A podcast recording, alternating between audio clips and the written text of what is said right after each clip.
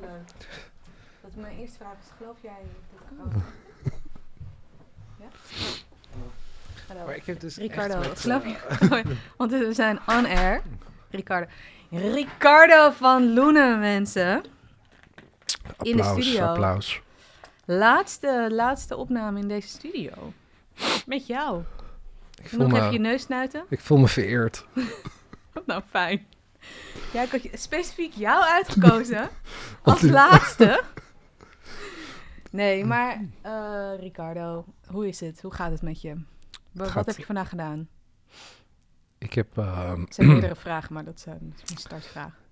wat heb ik vandaag gedaan? Rondjes, rondjes ge- eh, gelopen, eh, loopafspraken. Dat is mijn nieuwe, is mijn nieuwe ding. Zeg maar 8,5, 12 kilometer per dag aan afspraken Lopen. door het Vondelpark. Ja, Vondelpark is jouw go-to. Dus eh, heel weinig bochten, heel weinig verkeer. Dus je kan Heel bochten. gefocust. ge- b- buitenom is één grote bocht. Je kan het Ja, als één grote bocht zien of als geen bocht. Oké, ja. Zeg, hoe het perspectief op het leven, hè? Verschil tussen ons, ja. Precies, half vol, half leeg. En dan gewoon ehm businessafspraken of... eh, Ja. Ja, vooral eh businessafspraken of met een baby die niet wil eh, slapen, behalve in zijn wagen. Dus dan, dan bel je en dan wandel je. Dat is het enige wat je kan doen in coronatijden. ja. En ik geloof in corona. ja, want dat is mijn eerste vraag. Geloof jij wel in corona? ik geloof in corona. Oké, chill. Jammer, dat, eh, het wordt niet een herhaling van een lange Franse episode. Nee, nee, ik, ik moet wel zeggen dat, dat ik tijdenlang Lange Frans bij mijn kinderen heb geluisterd om het gewoon te, de, de bullshit te analyseren. En we vonden het altijd heel grappig. Ja? Met je kinderen? Vertel even, met, hoe oud zijn ze? 14. 14. Oh ja, het zijn tweelingen. Ja, dus dit was eh, vooral mijn dochter vond het eh, hilarisch. Totdat de gesprekken ook te normaal werden met politici en zo. Toen zijn we afgehaakt. Toen werd het gewoon. Toen dacht ik van, nee, we willen toch echt horen over, gekkies, over pedonetwerken, over ondergrondse gangen, over baby's en dat soort dingen. Want dat, dat zijn de echte verhalen. Ja, dat zijn de echte... En dat vind ik wel grappig eigenlijk aan dat soort types. Eh, Het aantal mensen die hun volgen zijn niet per se mensen die hun echt volgen als in geloven in wat. Maar eigenlijk is het een bepaalde mate van entertainment bijna. Dat, weet, ik- dat weet ik dus niet. Als je kijkt naar Amerika of zo, dan denk ik van ja, mensen geloven er echt in. En dat, dat, verbaast, dat verbaast je over dat mensen echt zoiets hebben van ja, maar het zou toch kunnen. Ja, ja, ja, ja. dat ja. je denkt is, van, dat is de opmerking waardoor het opeens zou kunnen. Het kan helemaal dat niet. is een beetje zoals in het, eh, in het begin in Amer- in Amerika, en toen zeg maar, de Trump nog niet gekozen was, maar toen hij voor president ging. En dat, dat mensen zeiden van ja, ik ga op Trump stemmen. En dat ik ze echt zeg maar vol ongeloof aankeek van nee, dit, dit meen je niet. En toen, ja, toen werd hij gekozen. Dus Ja, hou, re- rekening met de gekkies. Ja, rekening met gek. Ja, dat, als er iets is wat we hebben geleerd. Hey Ricardo, er zijn zoveel plekken of momenten in jouw leven waar we zouden kunnen beginnen. Ehm, we kennen elkaar van Mark This. Jouw marketingconferentie. Maar was het niet nog eerder bij Rockstart? Een keer een borrel of zo? Oh, ja, nou ja, dat zou Daar, daar ja. is ons, eh, onze innige Hier. relatie ontstaan. Nee, ja, oké. Borrel Mark- bij Rockstart. En dat was ook mijn eerste gast op eh, deze podcast met Oscar, ehm, die Rockstart heeft opgezet. Ja, nee, dan Het- het- het- maar maar de Mark- high days van de start-up wereld. ja, dat was echt het begin. Het be- tenminste, het begin van het begin of zo. Van, ik zat bij, eh bij Bounce Ja, het was het begin inderdaad. Dat was echt, in. Amsterdam tenminste, was het het begin. Want je had, je had Rockstart, die begon met zijn programma's. Volgens mij zat ze toen in het tweede programma of zo. En ehm Startup Bootcamp was net aan het beginnen. En ehm, Nou ja, en eigenlijk was het niet het begin beginnen, want je, er waren een paar start-ups Ja. zoals Hives. Weet je nog, dat Ja. Hives? Weet je Hives nog? Nee, maar... het, pand Zoals- werd, het pand werd steeds kleiner. Hè, wat zei je? Zeg, het pand van Hives werd steeds kleiner. Ja, maar ja. Nee, ja, dat is gewoon... dat is, maar ja, goed. Maar het was wel een van de eerste start-ups. En eh, ik ken er... Shit, ik ben even de naam kwijt van een andere gasten. Oh, wat erg. Nee, Karma. Karma was er ook een. Nou goed, dit is voor de start-up nerds van toen tijd. Ehm, En, en toen kwam eigenlijk, kwamen de eerste programma's zoals Startup Bootcamp en Rockstart. En, maar jouw programma Mark This, ik Ja. vond het echt heel vet. Ja, ik vond het ook, ik vond het zelf heel vet. en ik had echt zoiets van, ja, van de disruptie en van ik ga zoveel kaartjes verkopen, want dit is zeg maar van, dit is wat, waar de wereld naartoe gaat. Dat kaartjes verkopen, dat was echt van... Minder vet. Het was minder vet, want dat alle corporates hadden zoiets van, ja, nou, we zullen het wel zien, zeg maar. Maar we hadden echt wel eh, vegetarische slager die toen, eh, zeg maar, helemaal in het eh, begin was. eh, we hadden echt aantal vette... Want waar vette kwam je vandaan en waarom ging je dat organiseren? Nee, ik kwam. Ik, ik was het laatst, want ik heb natuurlijk wat, wat tijd, zeg maar, nu eh, om, eh, om na te denken nadat ik zeg maar ben gestopt met, met B. Van daarachter dat ik vooral, zeg maar, een soort, als er een nieuw fenomeen is, maar dan echt, zeg maar, iets wat, wat de wereld verandert. Van toen bijvoorbeeld house en dance muziek opkwam en het hele feesten, toen bij, bij IDT gewerkt en zeg maar heel veel daaromheen gedaan. Dan vond ik zeg maar mooi dat het een soort cultureel fenomeen is wat de wereld overneemt. En ik zag dat met startups en ik zag zeg maar de nieuwe, nieuwe wereld aankomen en dat, dat boeide, boeide mij, maar ook de disruptie die er plaats ging vinden door digitalisering. En dan denk je altijd dat je te laat bent. Dat dacht En- jij. Jij dacht Ja, je denkt altijd van ja, weet je, is dit, van is dit zo vooruit, eh, vooruitstrevend? Maar uiteindelijk was dit het begin, denk ik, van een soort boom in, in Amsterdam. Ja, natuurlijk waren er echt, zeg maar, van ik ken ook de verhalen van de mensen van, eh, ja, ik zat bij een sales pitch van, eh, eh, van Amazon en ja, ja, ja, ja, met, met tien man. En ik dacht Ja, van, ja, weet je, dat early, early days. Maar, ehm, dus vanuit daar, het, het intrigeerde me. Dus toen ben ik, ben ik doorgegaan en daar is uiteindelijk ook B ontstaan. Ja, maar je Hm. was eerst, want je gaat alweer grote stappen maken. Ricardo. dus Sorry. je, je hebt bij IDT gewerkt eh, en daarna? Bij eh, SDU. Ik ging van, eh, de, toen, toen heb ik een periode in mijn leven gehad dat ik dacht van ik ga bij een corporate werken en ik ga daar eh, carrière maken en ik eh, ga serieuze, serieuze dingen doen. Maar dat was echt één groot drama. Ik had eigenlijk zeg maar de dag dat ik begon moeten opzeggen, maar dat vond ik te ver gaan. dus toen heb ik nog twee jaar of zo daar, daar gezeten. Maar echt eh, Ja, SDU is een uitgeverij, toch? Ja. de staatsdrukkerij en uitgeverij. Eh, maar dat was, eh, het ging zo langzaam. Ik had in het, het- zeg maar de eerste maanden zat ik daar, want ik was bezig met plannen en dan blijf je zitten tot een uurtje of zeven, acht of zo. Van, dat vond ik normaal. En om kwart voor vijf hoorde zo doen, doen, doen, doen. En dat iedereen zijn computer uitzette, zijn mokken omspoelde en langzaam naar de uitgang ging. En ik dacht echt zo, wat gebeurt hier? Hoorde je een toen, toen, toen? Ja, zo van, zo computers die uitgingen van... Oh, ja, eh, ja, ja. Oh, en wat mooi. ehm, Ook de mokken omspoelen. ja, echt. Ja, is mijn het was, mok, hè? Het was, het was ja, best traumatisch. Ehm, en Want daar, heb je daar... Wat deed je? En, en, en- ik, was, eh, ik, ik was een uitgever en ik was gevraagd om ehm, nieuw elan te brengen. In het, eh, in het bedrijf was ook de, de jongste uitgever ooit in de geschiedenis van SDU. Maar ik heb het echt eh, nou, redelijk, eh, zeg maar, daar in de, in, met snelheid in de zoep laten lopen. Ehm, En, want enige zelfreflectie, wat, wat ging mis of zo? Nee, je hebt een, als je een, een eh, bedrijf hebt wat altijd gewoon 80 km per uur gaat en je, je dwingt het om 120 te gaan en om, eh, om risico's te nemen en om eh, ja, wat heel erg hiërarchisch is, om het hiërarchische eruit te halen. Ehm, ja, zeg maar managers die op zijn 18e begonnen was en op zijn 56e eh, net zeg maar manager was geworden van een afdeling. En ik kwam daar met mijn 28ste of zo en ik had zoiets van ja, je, wat, jij snapt het niet. Ehm, ja, dan dat, Botst. ja, dat botst enorm. En het is best wel frustrerend. Ik had in drie maanden had ik drie plannen gemaakt voor de digitalisering van, eh, van formulieren. Super sexy. Drie verschillende plannen voor de digitalisering. nee, dat was één. En ik had de, de andere was zo groot, was de stemcomputer. En die is toen nog verkocht aan, aan Amsterdam. En toen werd stemmen via de computer verboden. Ah, stem. Ja, echt gewoon Stemmen. de stemmen. Ehm, dus ik heb echt als een, als een, eh, met een, met een houten, een houten stemcomputer heb ik lopen lobbyen om het voor elkaar te krijgen in die organisatie en zo. Maar het is best wel, het was allemaal wel gelukt, maar het ging zo traag. Ik heb echt uh, anderhalf jaar zitten wachten. Ik ben, ik, ik ben in slaap gevallen bij meetings, maar letterlijk in slaap gevallen bij meetings.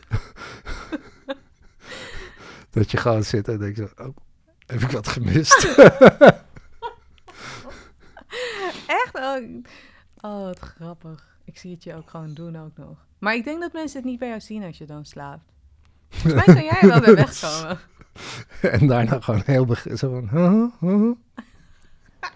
Nee, maar ja, het, het, was, was, het was minder, minder dynamisch. Daarna nog bij een, uh, een promotiebureau. Want ik had zoiets van, ik wilde de hele marketingmix een keer zelf ervaren. Mhm.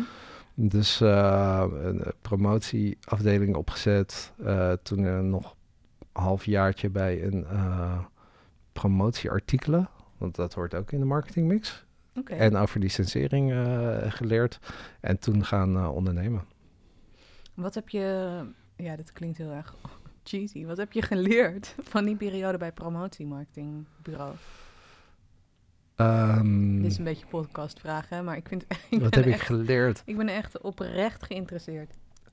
Nee, van, van ik deed natuurlijk uh, sales. Ja, van, precies. Het is, het is heel erg sales. Je van, je weet, je geleerd? moet uiteindelijk is het een soort spel of zo. En dan na, uh, ik heb er ook echt veel te lang gezeten. Um, op het laatste wist je gewoon, zeg maar, van ik zeg dit, dan ga jij dit zeggen en dan ga ik dit zeggen. En dan, weet je, je wist het hele, het hele traject en dan had, je, dan had je de opdracht binnen en dan, ja, dan had, je weer, had je weer wat verkocht. In het begin dacht je van leuk, maar daarna is het...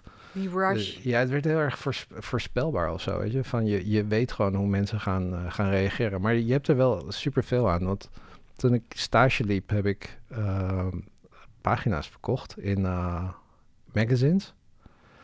En dan doe je gewoon, ik weet niet hoeveel telefoontjes, maar ik, ik was zelf fanatiek dat je aan het eind van de dag kon je geen zin meer formuleren. zeg maar formuleren, want het was echt zo van. Uh.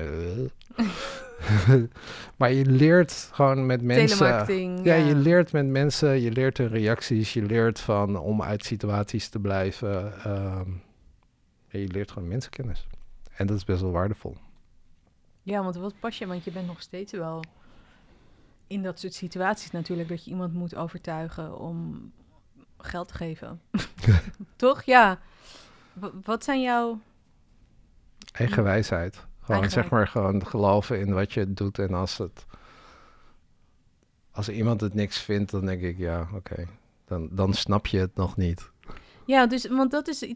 Ja, want ik heb wel eens met jou in dat soort gesprekken gezeten. En dat is het inderdaad typisch bij jou. Is gewoon eigen wijsheid. Maar je gaat niet je dan naar diegene praten als diegene een beetje, weet je wel, wat, wat mijn neiging is, is dat ik dan het ga omvormen naar de wens van de ander. Terwijl jij uh, dan er dan maar bij blijft en dan zeg, nou dan niet, dan past het gewoon niet. Ja, ik zat ook, um, ik heb soms echt gesprekken van 15 minuten. Ik was met, met, uh, met een hele grote, een van de Big Five in, uh, in New York. En die begon echt, zeg maar, B af te zeiken, een kwartier lang. En toen zei ik, ja, het hoeft niet. Je hoeft niks te doen. Van, uh, we kunnen ook gewoon zeg maar, de koffie opdrinken en dan ga ik gewoon weer. En toen was hij in één keer, toen had hij zoiets van, oh, oh ja, misschien ben ik toch wel, sta ik niet helemaal open voor, voor hetgeen wat jij nog niet hebt gezegd, want ik heb het alleen maar 15 minuten afgezeken. En toen werd het nog best wel een leuk gesprek, maar het is meer van, je hoeft het ook niet eens te zijn of zo. Dat is mijn uh, instelling, van je hoeft het niet met elkaar eens te zijn en dan is het prima, maar als je een product gaat maken naar wat andere mensen heel erg willen of zo, dan krijg je ook een soort nou ja, half, half bakken iets of zo. Ik denk dat we, maar, zonder compromis of zo kom je verder. Dat was ook de afspraak toen met B, met, met Guus was, van of het is jouw mening of mijn mening, maar we gaan niet lopen polderen en dan iets ertussen of zo, weet je. Van als jij geel wil en ik wil groen, dan kiezen we voor lichtblauw. Bruin. ja. Nee. Want dan heeft het voor allebei zeg maar een soort betekenis of zo. Dan, dan zit er iets achter wat we belangrijk vinden. Uh, en dat kan je dan overbrengen. En als het, als het voor allebei zoiets is van, ja, weet je, de, beetje de Nederlandse politiek. Van dat je denkt van, ja, het is, het is niet echt zeg maar keuzes of zo, maar iedereen is er een soort van niet blij mee. Ja, ja. En dan wat, ehm, ja, leuk dat je over Amsterdam ook, want leuk dat je daarover Leuk. begint. Want ik was bijna vergeten. nee, sorry, dan gaan er drie vragen door elkaar in mijn hoofd en dan...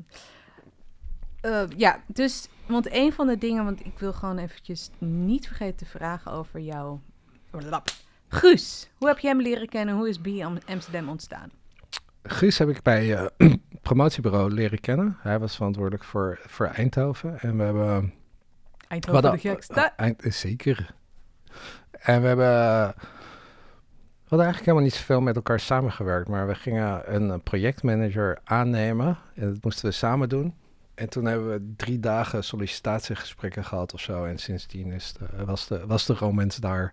We hebben, eh, het, was, het was hilarisch. Het is echt, we hebben mensen, zeiden we na 2,5 minuut van, ja, sorry, maar dat gaat me echt niet worden. Dus van, we willen jouw tijd niet voldoen. en, nee, maar er zaten echt hele aparte eh, mensen tussen. Maar het was, eh, ik weet niet, toen hebben we elkaar echt leren kennen. En daarna, ehm, toen heb ik hem erbij, ge- erbij gevraagd van, eh, van het idee voorgehouden van, we gaan een heel groot leeg gebouw doen in the middle of nowhere, buiten de, de ring van Amsterdam in een half leegstaand gebied van dit gaat het helemaal worden. En hij zei, ja, nee, top, gaan we doen.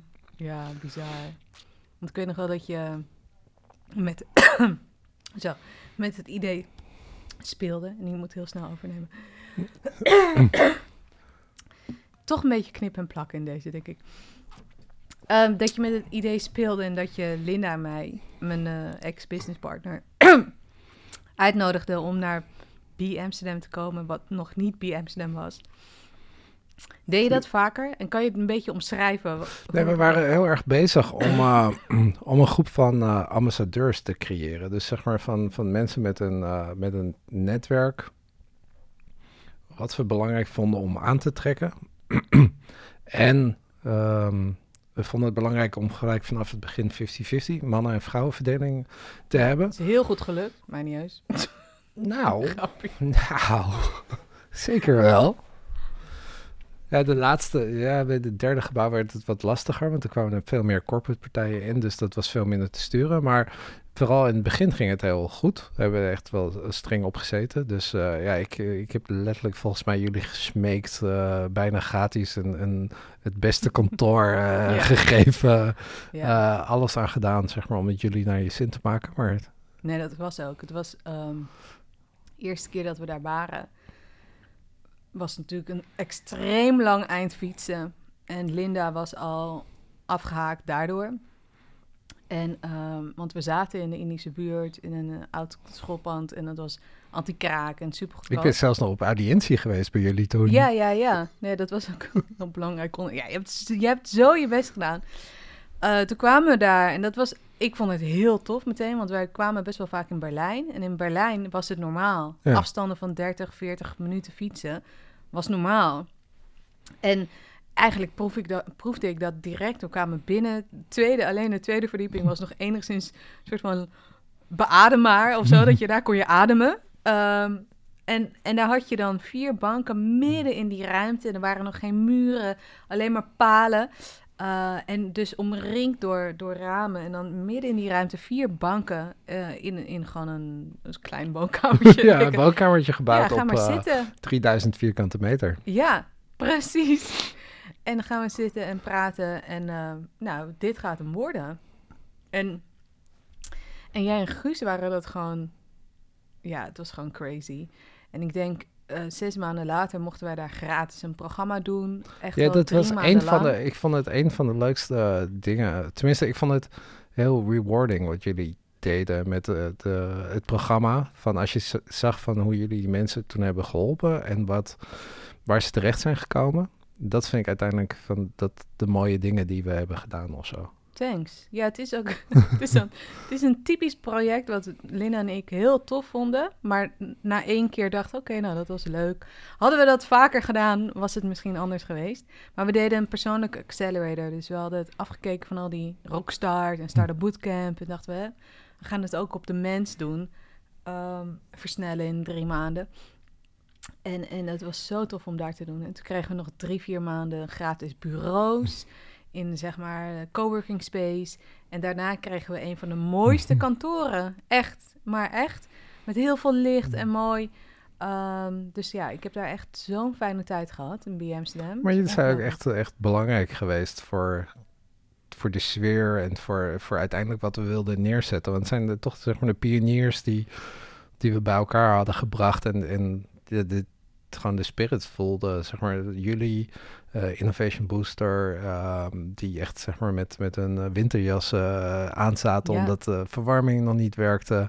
Alles was wat een keer kapot is gegaan, kon, is kapot gegaan, maar uiteindelijk van gaat het om, om eh, zeg maar de juiste mensen met de juiste energie. En dat is denk ik ook een soort rode draad of zo door de dingen die ik heb gedaan. Want toen ik bij, ehm, zeg maar helemaal ervoor bij een reclamebureau hebben we een feest georganiseerd, was dan voor een sigarettenmerk, waar ik nu natuurlijk me diep voor schaam dat ik ooit voor een sigarettenmerk heb eh, Toen gewerkt de tijd deden, deden ze dat allemaal. deden ze het allemaal, maar te- toen eh, deden we een feest op het eh Fort Eiland IJmuiden voor de influencers van de, van de dance scene. Dus dan heb je zeg maar alle organisatoren en alle zeg maar de boekers en iedereen hadden we bij elkaar gebracht. En het was een soort legendary feest, maar alles ging fout. Maar toch zeg maar door de energie die er was, van we hadden een wolkbreuk om eh, tien uur s'avonds en we hadden plannen van we hadden berekeningen gemaakt van, nou, om tien uur s'avonds, dan zijn er misschien nog eh 60% van de mensen, want we begonnen om 12 uur, eh 12 uur 's middags. Maar er stonden gewoon 100% van de mensen en we moesten alle mensen evacueren van het eiland, maar we hadden wel geleerd van Dance Valley een paar weken ervoor dat we poncho's hadden gehaald en mensen stonden Singing in the Rain te zingen en het was... Dus het is meer van, het gaat niet zozeer om de locatie of hoe, je, hoe goed je het doet, maar hoe goed je het bedoelt of zo. En met de juiste mensen die dat ook voelen, dan krijg je een soort eh, magie. En dan denk ik dat je, ja, dat, dat maakt het. Dit gebouw maakt het niet. Jullie maakt het. Want hoe coach je dan die mensen en hoe, hoe benaderde je ze? Is dat intuïtie? Is dat echt iets? Is, wat, wat is het? Ja, dat is het. Ik denk dat we de eerste jaren hebben heel erg gecureerd op gevoel of zo. Zeg maar niet op cijfers. Maar we hadden ook zo'n quote, iets van over eh, iemand met eh, ambitie en, eh, en drive is meer waard dan iemand met, Excel, met een Excel-sheet en geld. Dus dat was een van jullie. ja, maar dan zeg maar een, een, een, go- een goede quote die, de- die, die, Iets we, die we op de, op de muur hadden hangen. maar dat is juist van de mensen die dromen na- najaagden. En we hadden na een tijdje kwam Radio 1 een week lang een, eh, een eh, item maken. Elke dag eh, een item. En toen op de vijfde dag deed ik een interview en toen zei ze van... Van, ik vond het zo raar. Of, ik voelde iets wat ik zeg maar niet door had wat het was of zo. Maar toen later besefte ik me dat ik iedereen had geïnterviewd en niemand klaagde. En iedereen was positief. En iedereen had een grote, eh, grote dromen. En iedereen had zoiets van, ja, als er een probleem is, dan lossen we het op en dan gaan we door. En ze had zoiets van, ze vond het bijna een soort secte. Hmm. Maar ik was wel redelijk trots. ik dacht van, ja, dit is wat je, wat je wil, wil neerzetten. En dat is wat, wat ondernemers volgens mij eigen gemaakt is van... Ja, als je het koud hebt, trek je een jas aan en dan ga je door. Weet je, er gaat niet lopen bitchen over eh, dat, je, dat je het koud hebt. Ehm, maar juist dan krijg je ja, de acht cultuur in een klas. Van eh, als je, je wil je kinderen dat ze in een klas komen waar acht eh, de, minimum, de minimum is, in plaats van dat vijf cool is. En dat is de, de sfeer die je wil neerzetten. Het, co- het collectief is belangrijker dan de plek. Ja, ja, precies. En de mensen en de combinatie. En het waren ook wel echt unieke types, zeg maar. Ik bedoel, eh, en naast Lina en ik natuurlijk, waren er nog wel meer van gewoon echt wel unieke types. En die het gewoon heel leuk vonden om met elkaar te, te kletsen en te, te praten. En tegelijkertijd was er iets groots. Ja, iedereen werkte aan iets, iets groots. En sommigen zijn, eh, die, die hebben echt wel hele vette dingen gedaan. En, en anderen zijn halverwege gesneuveld. En zeg maar, er zijn dromen uitgekomen. En ik, ik weet niet wat er allemaal is gebeurd in de nachtelijke uren. en na de borrels, heel veel. Maar, eh, nou ja, Maar het dat is maar het was heel bizar dat zo'n. Wat ik er heel bijzonder aan vond, is dat gewoon een fysieke locatie iets doet met je soort van emotionele staat. Ja, maar dat is een ding minder de locatie dan wel zeg maar de groep mensen die je bij- elkaar brengt. En niet, want denk je niet dat het ook te maken had met dat het gewoon wel echt vijf verdiepingen blank canvas? Nee, ja, je, dat is natuurlijk van op het moment dat je een plek binnenkomt waar alles af is of zo. We hadden eh, later ook de stelregel, we, maken, we bouwen het tot 70% en dan gaan we het langzaam invullen met wat er eh, met de mensen zelf en ehm, van hoe het zich ontwikkelt. Want Ja. op het moment dat het te, weet je, als het te gelikt is, dan, dan heb je daar geen emotie meer bij of zo. Weet je, als elke stoel staat waar die moet staan en, Ja. ja, en alles. Maar ik vond het zo leuk in het begin dat gewoon alleen maar de tweede verdieping check was. En toen heel langzaam de, welke? Eerste of zo? Of de begaan? Nee, we kregen de derde erbij. Toen De kwam eh, ja, de Startup. Bootcamp en IBM. Daar, en wij zaten daar op de derde. En eh, toen hebben we de begaande grond en de eerste. En toen, hebben we, toen kwam daarna de De vijfde en, eh, en het restaurant. Ja. En toen was het rond. nee, ja, ja. En toen, eh, ja, en toen dachten we, we gaan het tweede pand en we gaan het derde pand doen. En we gaan in New York beginnen. En, Ja, toen kwamen de aspiraties die, die, die een stuk verder gingen. we hadden een businessplan en we dachten van, daar doen we twee jaar over. En daar waren we in drie maanden. Eh, en sindsdien hebben we het businessplan eh, uit de deur, eh, zeg maar, uit het raam gegooid en gewoon gekeken van als we zo hard mogelijk het gas in trappen, van, van hoe ver komen we dan? Dat was dat een bewuste keuze van jullie? Ja, het was wel echt we hebben een periode dat we elke presentatie afsloten met world domination. Maar is dat, ja, was dat, want ik, ja, ik heb het helemaal gevolgd van de zijlijnen als het ware. Het was ook wel heel bizar dat het van, zeg maar, die, ik vond gewoon de tweede, toen het alleen nog de tweede verdieping was, gewoon heel vet. En vooral ook mensen naar boven leiden, moet je kijken, la la la, en hier is het dak, woe! En toen later was er gewoon een heel mooi daktuin en een heel vet restaurant. Maar op een gegeven moment zaten jullie in een world domination eh, periode. Wat, ehm, ja, hoe is, dat, hoe is dat ontstaan? Zeg maar, hoe gaat dat in je hoofd? Hoe, nou, het was natuurlijk, de ambitie ging altijd verder dan. eh die durfde in het begin nog niet zo uit te spreken, omdat we gewoon in een leeg pand zaten met een tweede verdieping. Ja, en we ja. wilden, zeg maar, mensen vonden ons al, zeg maar, gek, maar wilden niet dat we een soort krankzinnig overkwamen. Dus we hielden onze ambitie nog iets meer, zeg maar, in toon. Ehm, maar ja, we hebben echt met, met, met corporates rondgelopen en met Heineken van hier komt jullie bar. En ze hadden echt zoiets van ja, oké, I don't know, maar doe het maar of zo. Ehm, dus die ambitie was er altijd. En daarna, ja, dan ga je accelereren en dan krijg je, weet je, dan van, van één verdieping en toen twee verdiepingen tegelijkertijd en toen drie verdiepingen en dan een gebouw en dan nog een gebouw. En dan denk je van ja, oké, weet je, we kunnen dit gewoon blijven, blijven repeteren. En dan, eh, nou, dit ging eigenlijk best wel, best wel goed. Maar maar natuurlijk over de, over de wereld waren er meer eh, mensen met dezelfde, dezelfde ambities. Liepen er ook een paar rond in Amerika die net even wat harder gingen. WeWork bedoel je dan? Ja, En die kwamen ook bij ons. Bij Ja, ons, bij in ons, onze bij- landgrenzen. bij ons in Amsterdam. Eh, ja, maar dat, we hebben er eigenlijk geen, niet echt iets van gevoeld of zo. Van, eh, ik vond het wel mooi dat, dat je, je het uiteindelijk zeg maar de, het groeide van eh, de hele stad of zo groeide mee. Ja. Van eh, de accelerators werden, werden groter, de, er kwamen meer gebouwen bij. nee, het was wel mooi en het, wordt langs, het werd langzaam een soort echte industrie. En de Startup Amsterdam, waar we natuurlijk heel veel aan hebben gehad, werd, die, die, heel veel. De, Next Web werd steeds groter. Next Web, eh, TQ kwam.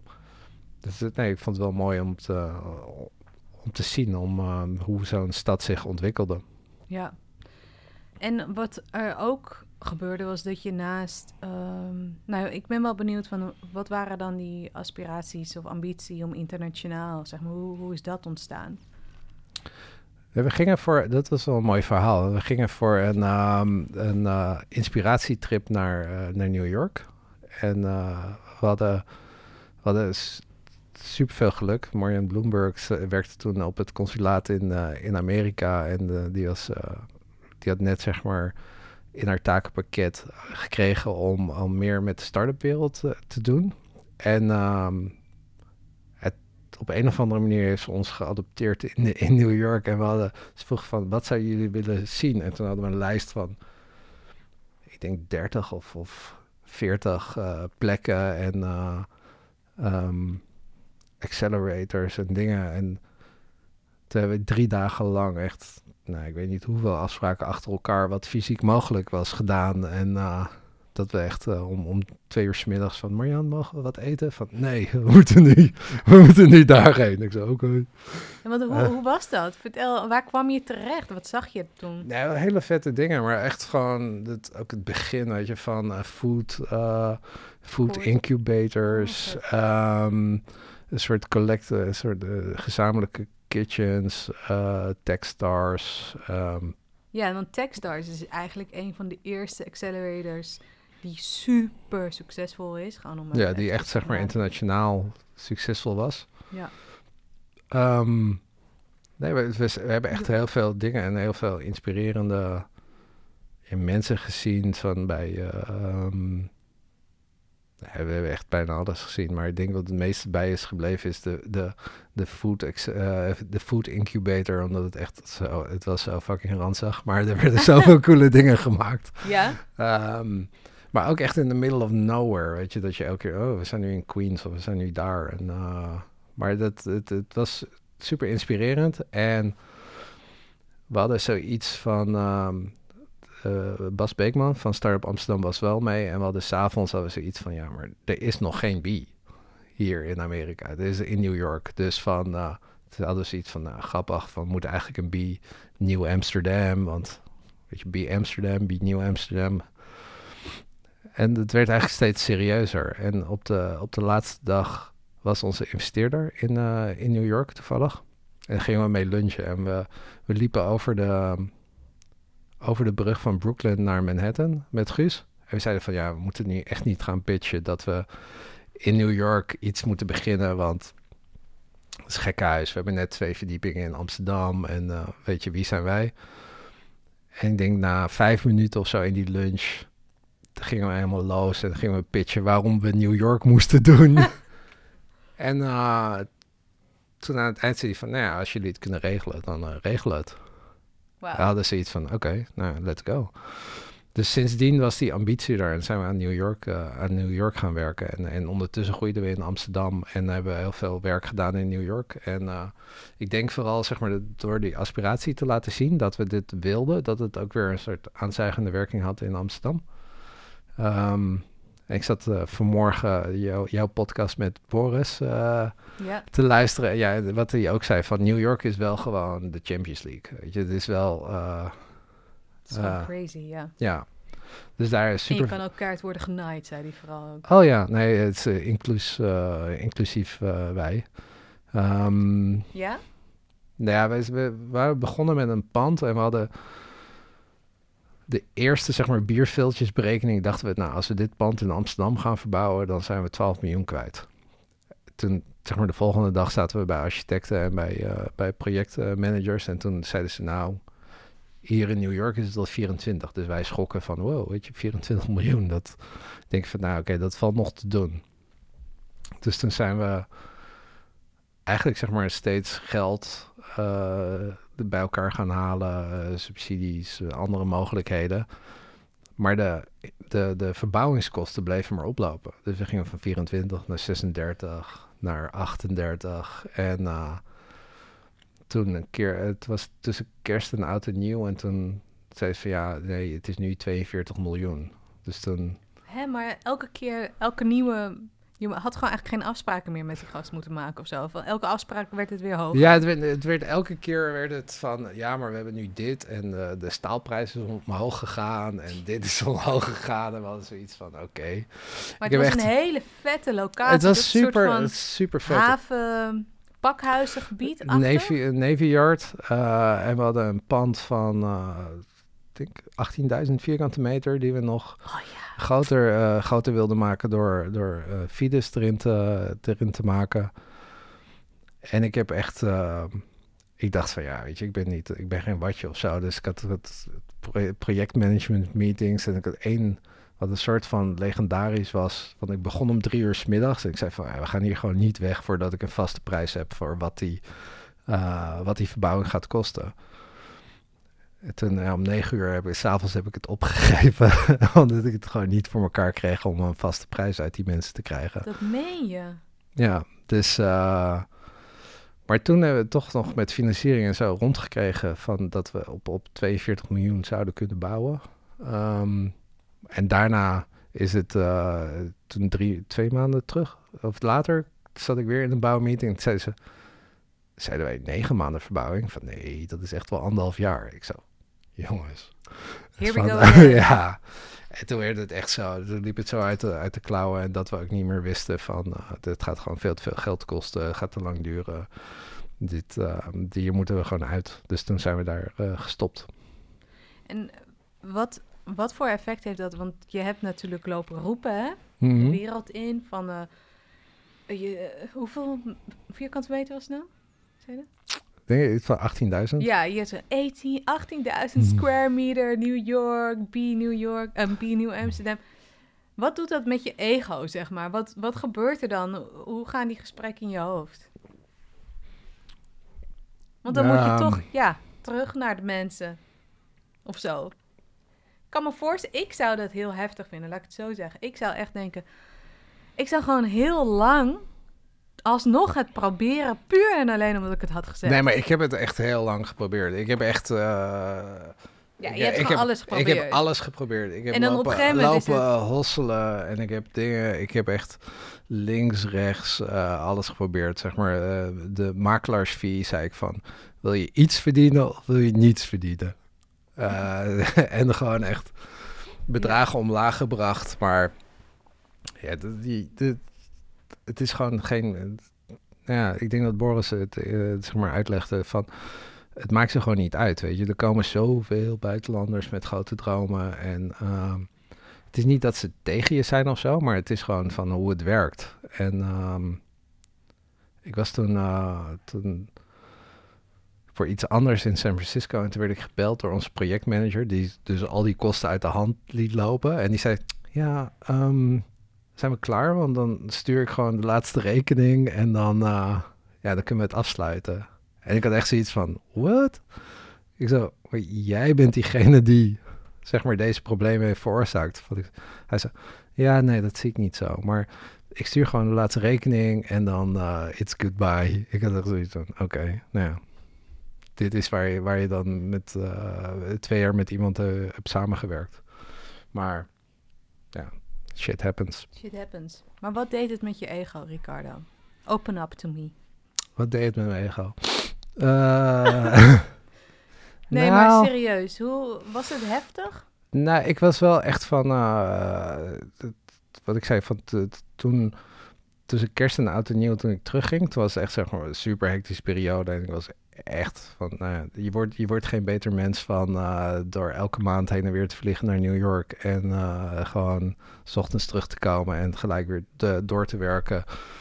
Dus was in een soort constante jetlag staat. Gewoon, je bent, je bent moe.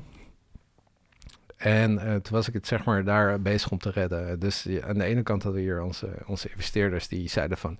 ja, het gaat toch niet, het gaat toch niet werken en is helemaal kut en uh, dit. Dus ik had echt het gevoel dat ik een soort iemand aan het opereren was... waarvan zijn vader zei van ja, je kan er niks van en die gaat sowieso dood. en toen dacht ik, nou oké, cool. Um, nee, dat was wel echt zeg maar dat, dat je het probeert te redden... en probeert alles te doen wat je, wat je kan... En toen dat gelukt was, dat ik dacht van, oké, we zijn in een veilige haven. Ja, dan, valt er, dan, dan heb je toch wel een soort van, van goed gevoel. En daarna denk je van, ja, dit valt een beetje buiten, me, buiten wat ik kan of zo. Weet je? Het is niet dat het aan mij heeft gelegen. Tenminste, zo ervaar ik het. Misschien hebben anderen dat niet zo, maar... Dus dat doet dan minder met je ego dan dat het jouw fout is of zo, weet je. Dat er iets aanwij aanwijsbaar is dat je denkt van... als ik dat had gedaan of als ik dat had gedaan... maar dit was gewoon... I did all I, I could. En dat, dat was het. Ja, dus het was gewoon ook niet... Nee, ik had ook niet zo van, van uh, da daarna nog een zijkstukje in de... Dat is het Financieel Dagblad. Oh, en ja? ehm, ja, dat was de eerste keer dat ik op de voorpagina stond van het Financieel Dagblad. dagblad van uh, Be New York faalt in, uh, in uh, New York. Dacht Oh, ik, wat oké, vet. Ehm, nee, en daarna had ik een, een, LinkedIn-post gemaakt waar ik het echt zeg maar uitlegde. En, en zei van, ja, weet je, dit, dit falen kan of zo, weet je. Ja. Het is niet... Er zijn zoveel dingen die, die niet lukken. En ik denk dat de Nederlandse cultuur heel erg is om je dan af te rekenen op wat niet lukt of dan wat wel lukt. Ehm, Ik, ja, dan stoïcijns doorgaan. Uh, Ja, want je had nog wel meer uh, grote. uh, wat zei je nou net? Buiten zei iets. wat, wat voor periode was het? Dat is mijn, mijn narcistische periode, waar Ja. mensen ook echt dachten dat ik een narcist was. Oh ja? mijn- Mensen zei, zeiden mensen dat ook tegen je? Van, hé hey, Ricardo. Nou, het was wel grappig dat het. Dat, later werd eh, tegenover B een eh, appartementencomplex eh, Ja, gebouwd. En het heette Ricardo Residence. En ik had er niets mee te doen, hè, want het heet Ik gewoon de, de, de Angelo of eh, Ricardo straat of zoiets, Ja. zeg maar daar. Dus daar is het naar vernoemd. Maar toen kreeg je dus appjes van, ja, ik wist dat je narcistisch was, maar zo narcistisch dat je dit naar jezelf vernoemt. Ik En toen dacht ik zo van, you, is dit, is dit wat jullie over mij denken? Nou, maar weet je, het feit dat mensen dat naar jou kunnen sturen, zegt al dat je zo benaderbaar bent dat je niet narcistisch kan zijn. Dat je dat wel, dat jij daar, dat ik grappen over jou kan maken, zeg maar, en jij en ik weet dat jij dan niet heel kwaad wordt, maar dan gaat Nee. lachen. Dat zegt volgens mij al heel veel. Maar toch, als jij terugkijkt, denk je, oké, ja, dat was toch best wel een soort van, ik zou eerder zeggen, melagomane eh, periode. Dat je gewoon echt dacht, ik kan alles. Ja, maar als je in zo'n zo'n flow zit, dan denk je ook van, van let's go, weet je. En dan wil je het ook niet opgeven. Ik denk dat ik eh, een jaar of zo gewoon een soort kwaad ben geweest over dat ik alles kut vond. Dat het niet snel genoeg ging, of het was niet goed genoeg, of het was echt van...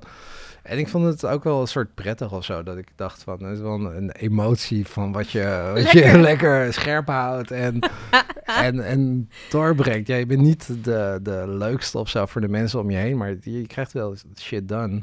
Ehm, Sorry, dit vind ik zo grappig. dus het was ook gewoon lekker om te denken, ja jongens, het, we gaan nog niet goed genoeg. Het gaat nog niet goed. We moeten meer, we moeten... Dat was gewoon een ja, beetje... gewoon door, de door, modus. door, door, ja. Ehm, Want je had op een gegeven moment echt wel een mooi, weet je, naast Guus, een mooi team om je heen. Ehm, ja, wil je daarover vertellen? Hoe je mensen hebt gekozen en hoe je die... Nou ja, Ja. ik vind, ik vind als je mensen kiest of zo, of kiest, of weet je, als je met mensen gaat samenwerken, dan is, is vind ik.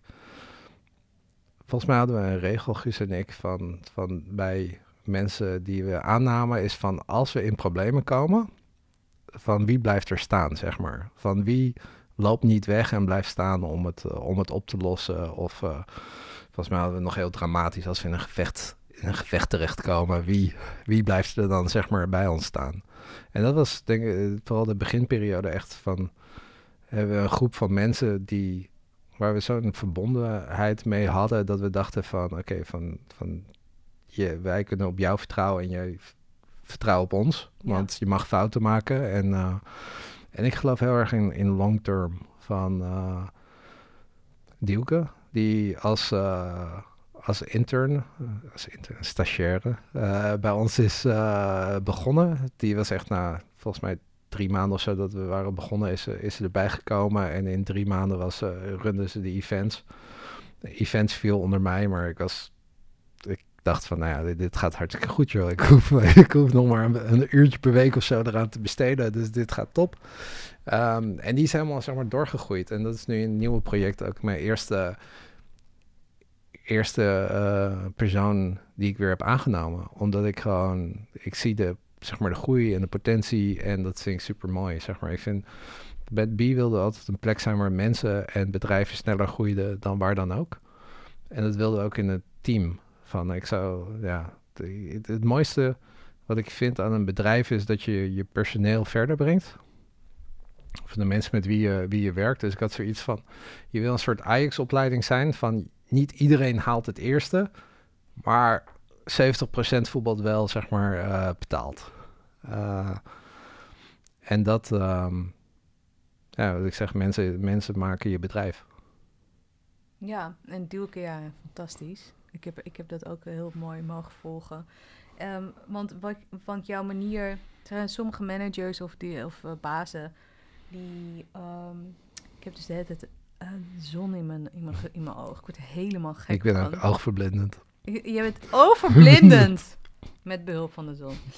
Um, nou ja, wat ik dus wou vragen is van, je hebt ook een bepaalde manier van, ja, hoe zeg je dat? Je, zij deed gewoon. Het is niet dat jij haar een soort van stappenplan hebt uitgelegd. Zij ging gewoon.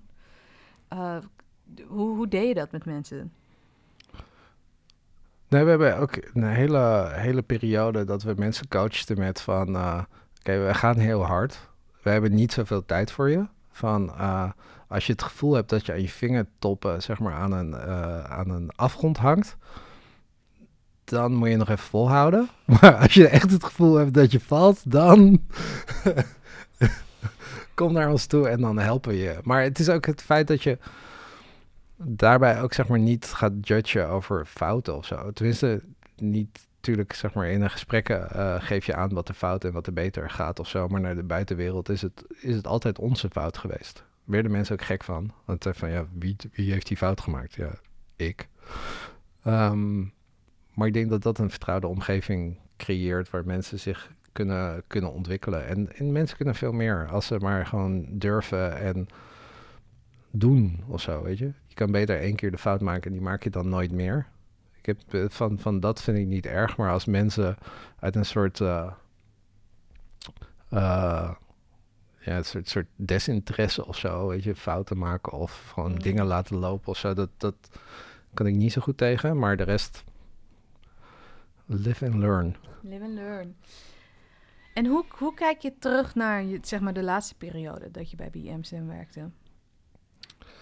Of zeg maar, het, het, de, de la, ja, het is, hoe, hoe, hoe het is, hoe je, ja, kan je daarop reflecteren hoe je bent weggegaan of hoe dat is gegaan? Uiteindelijk, zeg maar, er werden de, de ambities, uh, ja, moesten, moesten kleiner. Uh,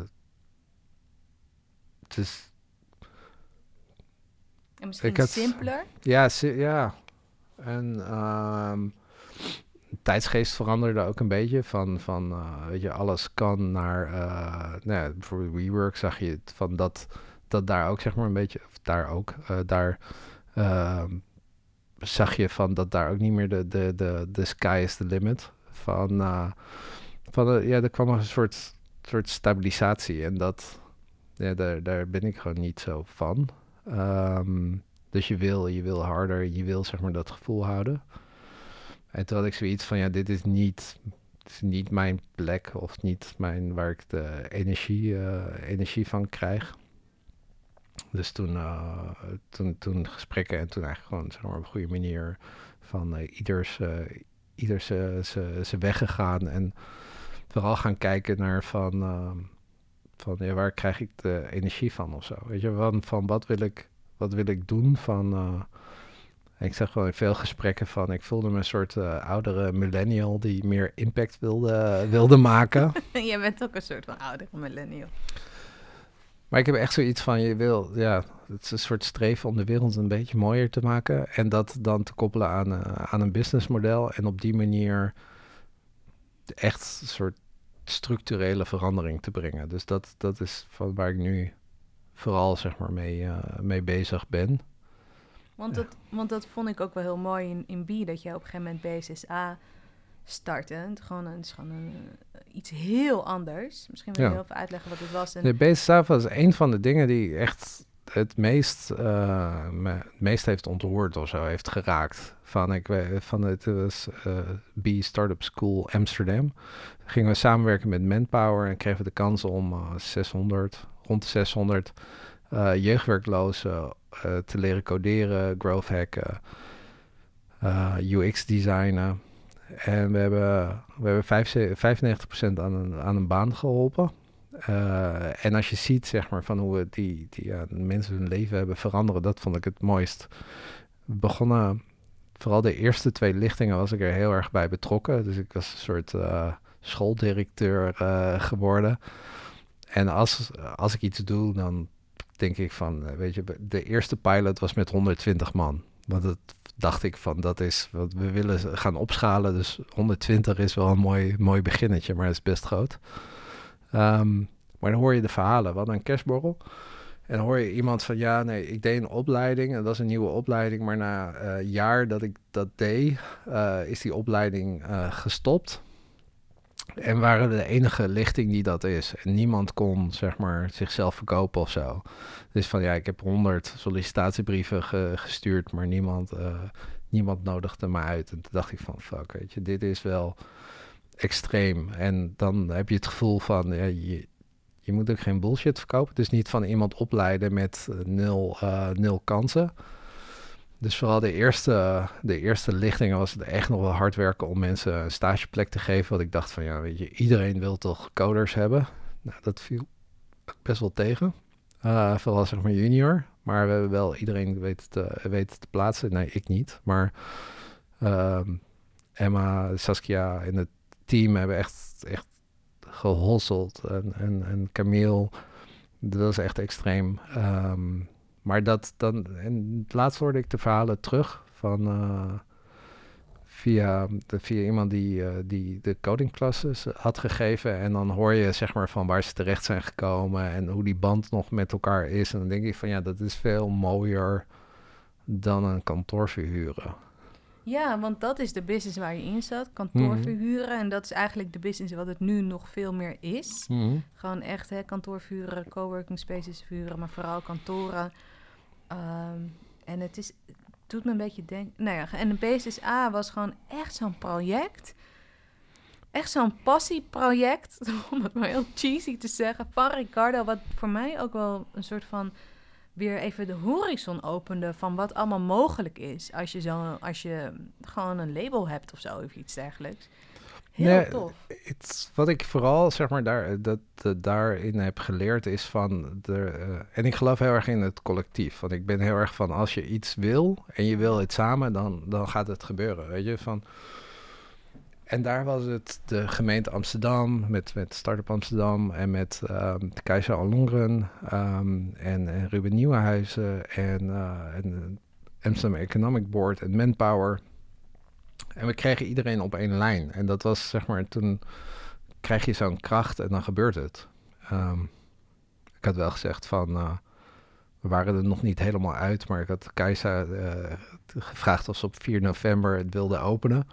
Zei, ja, we moeten er wel uitkomen, want 4 november gaan we open. Dus, uh, Slim. Um, maar dat was, was juist van, als je, als je als collectief samenwerkt, dan gebeurt er veel meer. En dat, uh, nee, wel een van de mooiere, mooiere projecten eigenlijk. Ja, super mooi. Wat, is dan, wat zijn de projecten waar je nu mee bezig bent? Nee, een van de dingen van, van wat, ik, wat, wat je me net beschuldigde dat de equality niet was gelukt bij B, maar was, is uh, gelijkheid tussen mannen en vrouwen. We zeiden altijd in onze culture code van gelijkheid tussen mannen en vrouwen is iets normaals en dat moeten we niet uh, benadrukken, maar dat moeten we wel zeg maar in alles terug laten komen. Dus we hebben echt heel erg gestreefd van in ons personeelsbestand van 50% mannen, 50% vrouwen. We hebben eigenlijk altijd meer vrouwen in dienst gehad dan mannen. Probeerden heel erg zeg maar vrouwelijke huurders aan te trekken, vrouwelijke start-ups. Maar in de en mensen voelden zeg maar een energie maar dat, ik kon het niet zeg maar aanwijzen wat het dan was of zo, weet je. Dat ik dacht van, nou, ik weet niet of je wel eens in een andere start-up hub bent geweest, maar als je daar een vrouw hebt aangetroffen, dan heb je geluk gehad. Um, dus ik kwam er steeds meer achter dat die gelijkheid er niet was. En toen, um, en, en heel veel vrouwenorganisaties die vroegen of, of we uh, wat konden doen samen, samen met B. En vanuit daar is nu RISE ontstaan.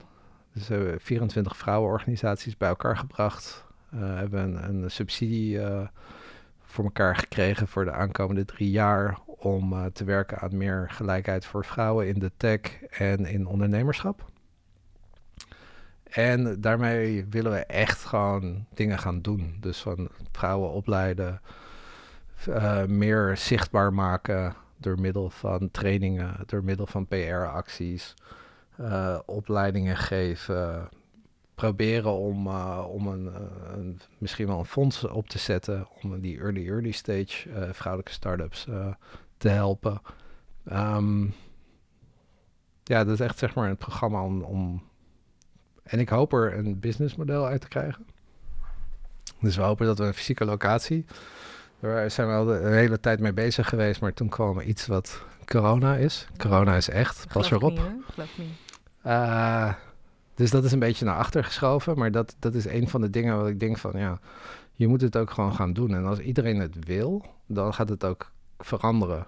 Ik had zoiets van bij wel bizarre dingen uh, zeg maar voor uitgenodigd. En het zat een keer uh, bij een etentje met de global CEO van Manpower en de global CEO van Nestlé. En, en ik. met z'n drieën? Nee, er waren wel nog meer mensen en er waren nog wat... Maar jullie waren met, met z'n drieën aan het praten? Ja, en toen ging het ook over uh, uh, equality en, en um, diversity. En zei, ja, ik vind het echt heel lastig, weet je, want om dat voor elkaar te krijgen. En toen dacht ik van, ik zei, ja, sorry, maar ik heb niet zo'n groot bedrijf. Maar als je CEO bent en je wil iets, dan zeg je van, nou, oké, vanaf nu is het 50-50 deal with it, make it happen. Um, ja, maar dat, hoe moeilijk moet het zijn? Ja, nou precies. Maar dat vonden ze dus heel ingewikkeld of zo. Dan denk ik van ja, dan, dan wil je het niet. Dus ja, ik hoop dat, dat met dit initiatief dat we het voor elkaar krijgen, omdat het gewoon wel, zeg maar. Want de, de funding van uh, eh, 5% van alle funding gaat naar vrouwen, weet je. Dat je denkt van, dat klopt niet helemaal. Maar er kloppen heel veel dingen niet in dat Nee, ja. Weet je nog dat we, weet je nog dat we, dat je mij had uitgenodigd voor dat event van al die C CEO's, nee ja, CFO's en CEO's van, uh, van Deloitte. Ja, ik mocht In tien startups uitnodigen en ik had gezegd van ik wil het wel doen, maar ik nodig alleen maar tien vrouwen, uh, vrouwen uit. Ja. Uh, nee, volgens mij was, was, waren er 15 vrouwen.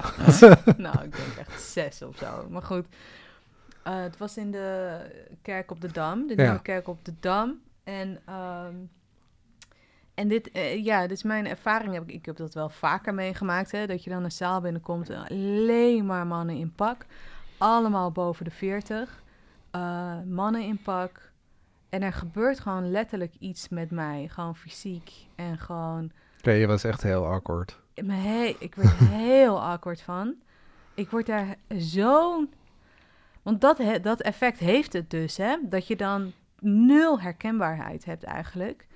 Ehm, en uh, ja, ik werd zo freaking awkward. En jij echt zo, Melissa, deal, ga deals maken. Ga gewoon connecten, ga gewoon praten, ga gewoon... Ik zei, Ricardo, ik ga weg, ik, word, ik heb geen zin meer, ik kan dit niet meer. Wat? Hallo, ik heb je uitgenodigd, je moet nu gaan connecten. En ik kon het... Ik had dus zelfs met Hanneke, uh, die ik ook heb uh, van ILOS, die, die jij had uitgenodigd... Toen was de laatste presentatie was klaar. Wij zaten naast elkaar. Het was klaar. En wij moesten heel hard op zeggen... Oh, al die mannen in pakken. En toen gingen we echt heel hard... Ging, gingen we gewoon klagen van... En waarom doen jullie alleen maar donkerblauw en grijs? doe dan gewoon een keer een kleurtje... Of doe gewoon iets heel anders. Ik bedoel, jij kwam ook toch niet in pak? Ik bedoel, waarom altijd in Nee, ik had gewoon een, een, een uh, zwart shirt, uh, een zwart t-shirt aan, zoals altijd. En uh, ik maar ik, nou ja, ik vond het, ik blijf dat gewoon zo moeilijk vinden. Ik stond op, de, op het toilet en ik stond naast Ali van, van Bunk. En ik zei van, het is wel duidelijk dat wij de enige start-up mensen hier zijn, want hij liep in een hoodie en de rest was inderdaad gewoon in pak. Ja, ja, moeilijk. Ja, ik, um, ik ben Maar dan gaan we werken aan verandering. Working on it, working on it. Ik vind uh, dat, dat...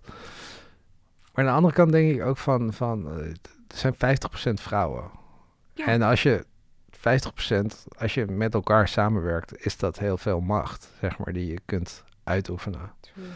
Dus het gaat erom van hoe ga je een collectief en energie bij elkaar brengen... om die veranderingen te eisen. Ik heb echt van... van Jij brengt een beetje de mannelijke energie in de vrouwen. Nou, ik zit, ik zit soms in een meeting en dan ben ik het meest, zeg maar, uh, kwaad of zo, weet je. Dan denk ik van, ja, weet je, dit, dit... Ik had zoiets van, als ik, als, ik, ja, als ik jou was, dan zou ik die hele stad in de fik steken. Van, kom op, van... Ja. Maar Ah. bij- bij mij was het, is dan de reactie van, oh, fuck dit, ik moet weg. En jouw reactie is eigenlijk meer, maar doe, dan moet je juist hier met iedereen gaan praten en, en iets doen. Of, Ja, maar ik denk ook van, van kijk, als je, het, het is straks eh, verkiezingen. 50% van de vrouwen kunnen, kunnen kiezen, weet je. Doe het slim. 50% van de mensen. van de mensen vrouw, kan, ja. kan, doe het slim en, en, en stem met z'n allen op Kaag of, eh, of, of, of een andere vrouw. Want er zijn nu vijf vrouwelijke lijsttrekkers. Ehm, dus die verandering kan. En stem slim, weet je. Van, eh, van zorg dat er 50% vrouwen in de, in de Kamer komen. Dan kan je veranderingen brengen. En dat wil niet zeggen dat elke vrouw het beste voor heeft met vrouwen. Nee, Dat, maar dat is niet eens. dat is ding. dan dat is de tweede, weet je. Dus laten we eerst de vrouwen eh, er- erin stemmen en dan gaan we een keer shiften van, van Ja. welke vrouwen dan nog anti-abortus zijn en die kunnen we dan alsnog zeg maar eruit, eh, eruit stemmen. Nou ja, er zijn ook heel wat mannen ehm, pro-abortus, weet je wel. Dus daar gaat het eigenlijk niet eens om. Het gaat natuurlijk gewoon om dat de verhouding niet klopt, eh, ongeacht. Nee, maar ook je perspectief, weet je. Op het moment dat je te veel ehm, van, ik voelde me echt wel een feminist. Van, ik dacht van, en toen Je ging bent eh, volgens mij ook gewoon een feminist. Ja, ik vind nog wel meevallen. Want toen eh, mijn vriendin in Stockholm ging werken, dus dan was ik elke drie weken in Stockholm. En toen heb ik een soort half jaar in een soort identiteitscrisis gezeten van, oh mijn god, van ik ben eigenlijk gewoon een hork, weet je. Van waarom noem ik vrouwen meisjes of waarom doe ik dit, weet je. Van daar lag de, de lat gewoon veel hoger. In Stockholm, qua, Ja. qua emancipatie, qua feminisme. Ja. Dus, dus dan word je echt wel een spiegel voor, eh, voor Ah. gehouden. En nog steeds, zeg maar in alles, eh, van, dan denk je van je houdt er rekening mee. Van, vanmiddag, voordat ik hierheen kwam, hadden we nog een, een gesprek daarover. Van, van nu met een, baby erbij. En van, ik was een boek aan het lezen, of ben een boek aan het lezen, maar ik weet niet wat, wat de titel is. Goed verhaal. Ja, echt een heel goed verhaal.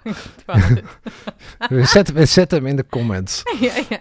Maar het gaat over dat vrouwen veel meer eh, lasten dragen als er eenmaal een kind eh, komt, zeg maar, in een, in een relatie. En hoe dat, zeg maar, de, de, leef, eh, de leefverwachting van een vrouw terugbrengt.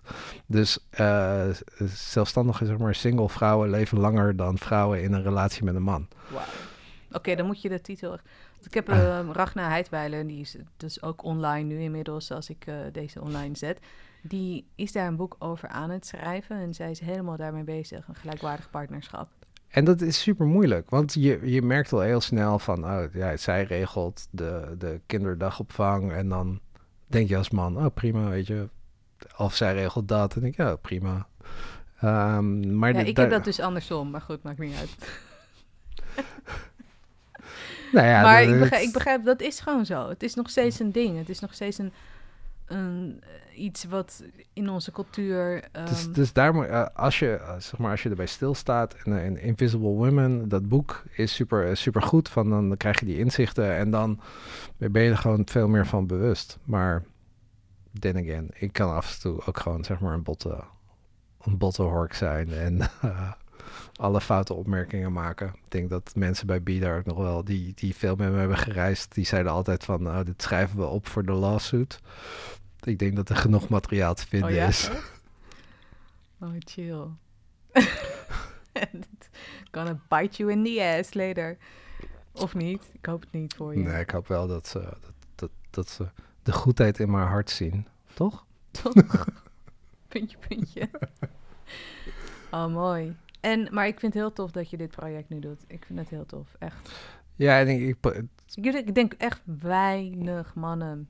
ehm, veel mannen hebben, dan denk ik, vul ik even keihard in, is van, hè, it's not my issue. Het is gewoon niet mijn probleem. Ik, ik ben ervoor, weet je, goed voor good for you, doen. Maar jij omarmt het, ehm, wat ik gewoon echt heel knap vind. nee, wat het is van ook met eh, discriminatie of zo. Het is niet van dat. Dat ja, omdat ik niet, de- zwa- de- omdat de- ik ja, niet de- zwart ben, is ja, niet mijn probleem. Nee, maar het is juist jouw probleem, want jij zorgt voor de discriminatie. Jij zorgt voor de ongelijkheid. Dus jij moet het oplossen. Niet van. Mij? dat je- Nee, grapje. Nee, maar is dat je, dat je, dat je denkt van, oh nee, de vrouwen moeten oplossen dat ze.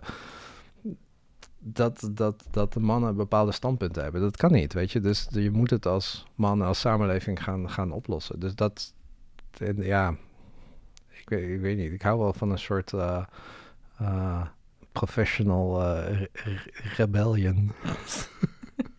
Maar denk je dat dit, is, dat di- is dit jouw midlife ding? Dat je een soort van hebt ingezien dat het niet alleen gaat om groot, groter, groots, maar dat het echt gaat om ook iets maatschappelijks. Nee, maar ik denk dat groter groot nog steeds kan. Van, dit is nog steeds zeg maar, wat, ik, wat ik cool vind en wat ik, wat ik doe. Maar ik denk dat je... Ik heel erg mee bezig ben, is om, om te kijken van hoe kan je mensen mobiliseren om, om een verandering te brengen. En hoe kan je dat doen op een manier dat het ook sustainable is. Dus van je hebt een businessmodel nodig. Van als je het alleen maar met giften en, en subsidies en zo doet, dan ben je zo afhankelijk. Dus ik ben er wel van overtuigd dat, dat, je, dat je allebei kan doen. Kijk naar Patagonia. Weet van, ze doen goed voor de wereld, maar verdienen ook gewoon bakken met geld. Ja, Ehm, en als, als je zoiets kan neerzetten, volgens mij is dat super mooi. ja, heel mooi. Tof. Ehm, is er nog iets.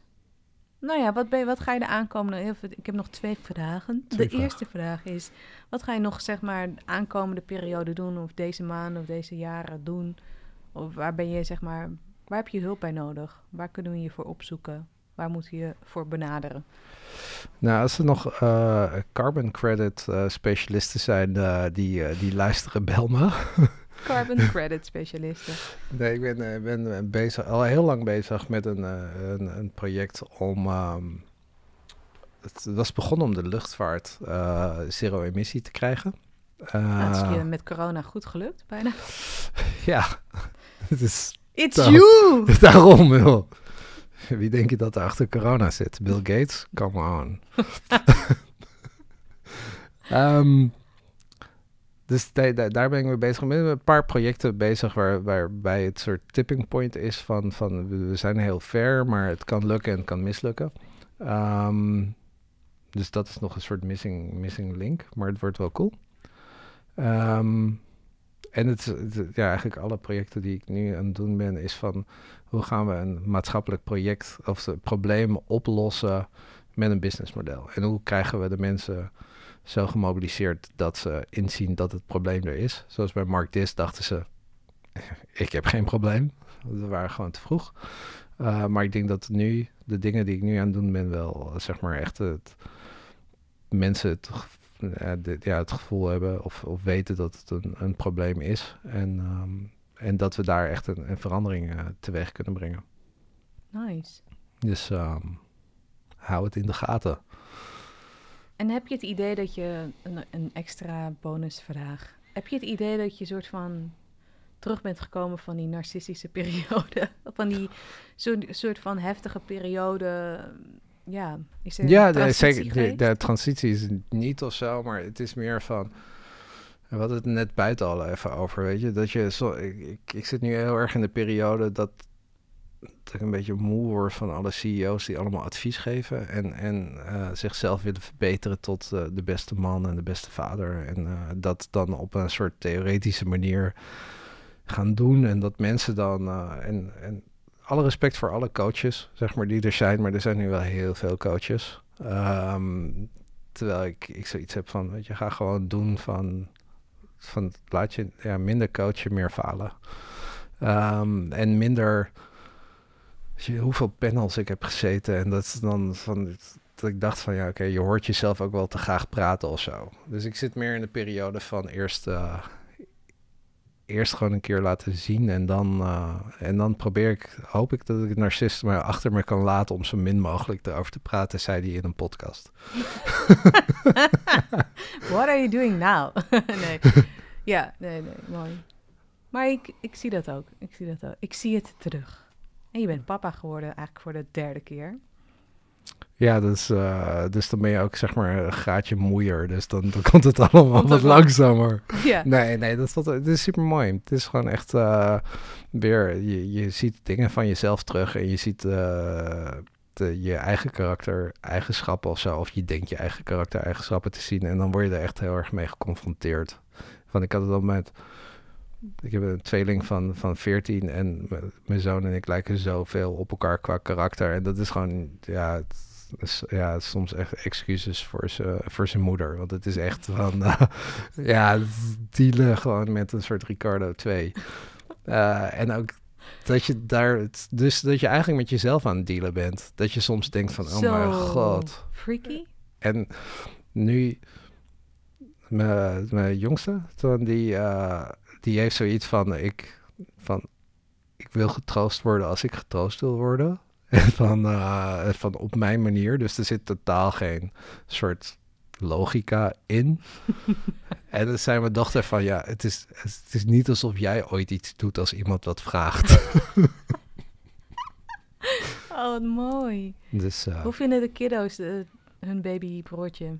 Ja, leuk. Het, is, uh, het, het, is, ja, het zijn pubers. Dus, dat, uh, dus nu is alles nog een beetje Oh, ja. van... ah, Oh ja, oh, die oh ja, van, Oh, huh? ja, wat? Zei je wat? Huh? Oh, oké, leuk. Ja, ja, ja. Het is zo'n grappige periode. Dus, Puber eh, zijn. je- het lijkt me zo... Ja, het is zo'n verwarrende periode, toch? Jezelf ontdekken. Het is zo'n verwarrende periode. En, eh, maar in elke fase van je leven denk je dat je het, eh, de waarheid in pacht hebt. En dan kom je er toch weer achter dat het, eh, dat het wel weer tegenvalt. En volgens mij als puber denk je dat heel erg. Ehm, Ik denk hoe ouder ik word, hoe minder ik denk dat ik de waarheid in pacht heb. ja, nee, ik denk het ook. Maar ik heb nog steeds wel dat ik van overtuigd ben dat, dat de ideeën die ik heb, die dan zo uitgevoerd moeten worden. En volgens mij is dat meer een soort ondernemers van dat je dat die drang houdt of zo. Ja. Maar Mooi. ik denk niet meer van dat ik, dat ik alles weet. Oh. Zeker niet van carbon credits. By the way. Eh, ik ken wel een gast trouwens die daar best wel veel weet. Ehm, ja, uitsmijter. Wat wil je de luisteraars nog als laatste meegeven? Nee, het was jouw midlife. Dus de vraag is, hoe gaat het met jouw midlife? Van waar, waar, waar ben je nu beland? Want dat moet je wel een beetje meenemen in je verhaal. Nee joh, dat mogen de luisteraars zo tussen de regels door een soort van eruit. Heb je jezelf al herontdekt? Nee, echt niet. Nee. Je bent les aan het geven. Ik, ik zou echt helemaal crazy worden. Nee, lesgeven is heel leuk. Pubers zijn gewoon wel echt geniale wezens. Juist omdat het zo verwarrend is. Eh, ik heb heel veel met ze te doen, omdat ze alleen maar thuis zitten. Dus ik probeer zo meest, eh, ehm, ja, weet ik veel, leuke lessen online te geven. Ehm, maar dat is tijdelijk. Dat is echt heel tijdelijk. Dus 1 mei ben ik daarmee gestopt. Of eh, ben ik, stop ik daarmee. En dan, ehm, ja, dan ben ik eigenlijk gewoon weer trainer. Misschien zelfs wel coach, Ricardo. Life het coach hoop ik. Ik, eh, misschien wel. Ehm, maar nou ja, het zou zomaar kunnen. Maar ik ga echt wel weer trainingen geven. Ik wil echt met mijn voeten in de modder staan en mensen helpen. En Ga een bedrijf bouwen. ja, ik ga een multi-million dollar consultancy company. Nee, maar dat, dat, van, de- van, je hebt zoveel ervaring, je hebt zoveel gezien, je hebt zoveel mensen gesproken. Van ehm, de wereld heeft meer vrouwen nodig die eh, ambities najagen.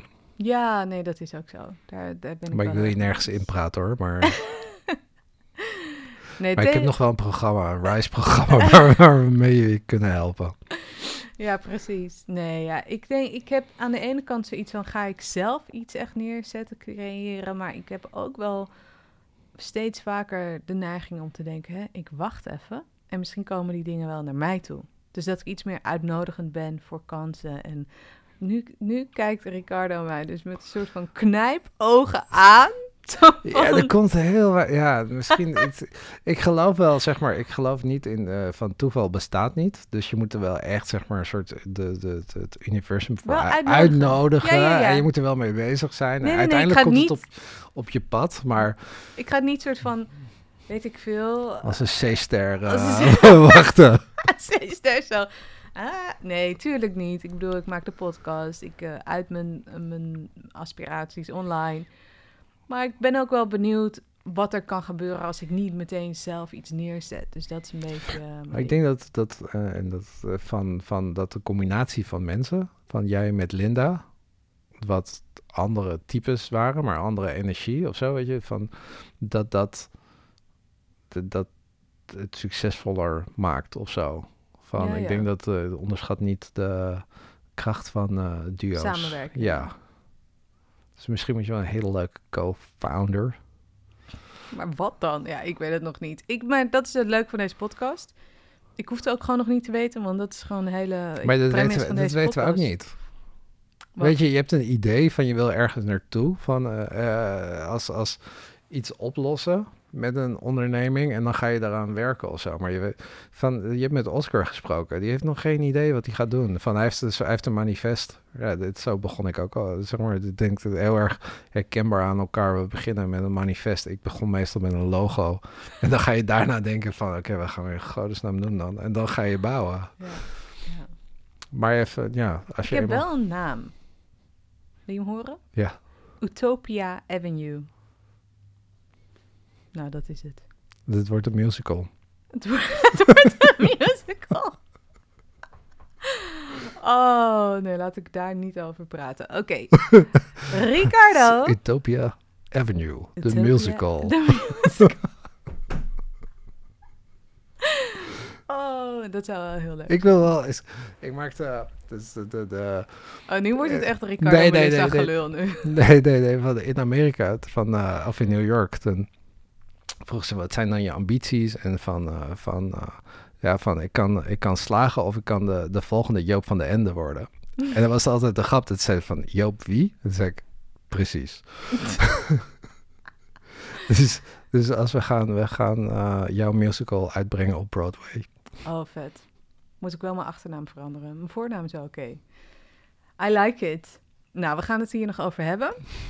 Dankjewel, Ricardo. Dankjewel. En ehm, ja. Tot, Tot- eh, tot bij je volgende onderneming. ja, precies. Of tot de volgende aflevering. Dat kan ook. Dat, je, dat ik je gewoon nog een keer uitnodig op een gegeven moment. Of we gaan gewoon samen een podcast maken. en dan, dan, dan pakken we de teksten van Lange Frans. Die nemen we als basis.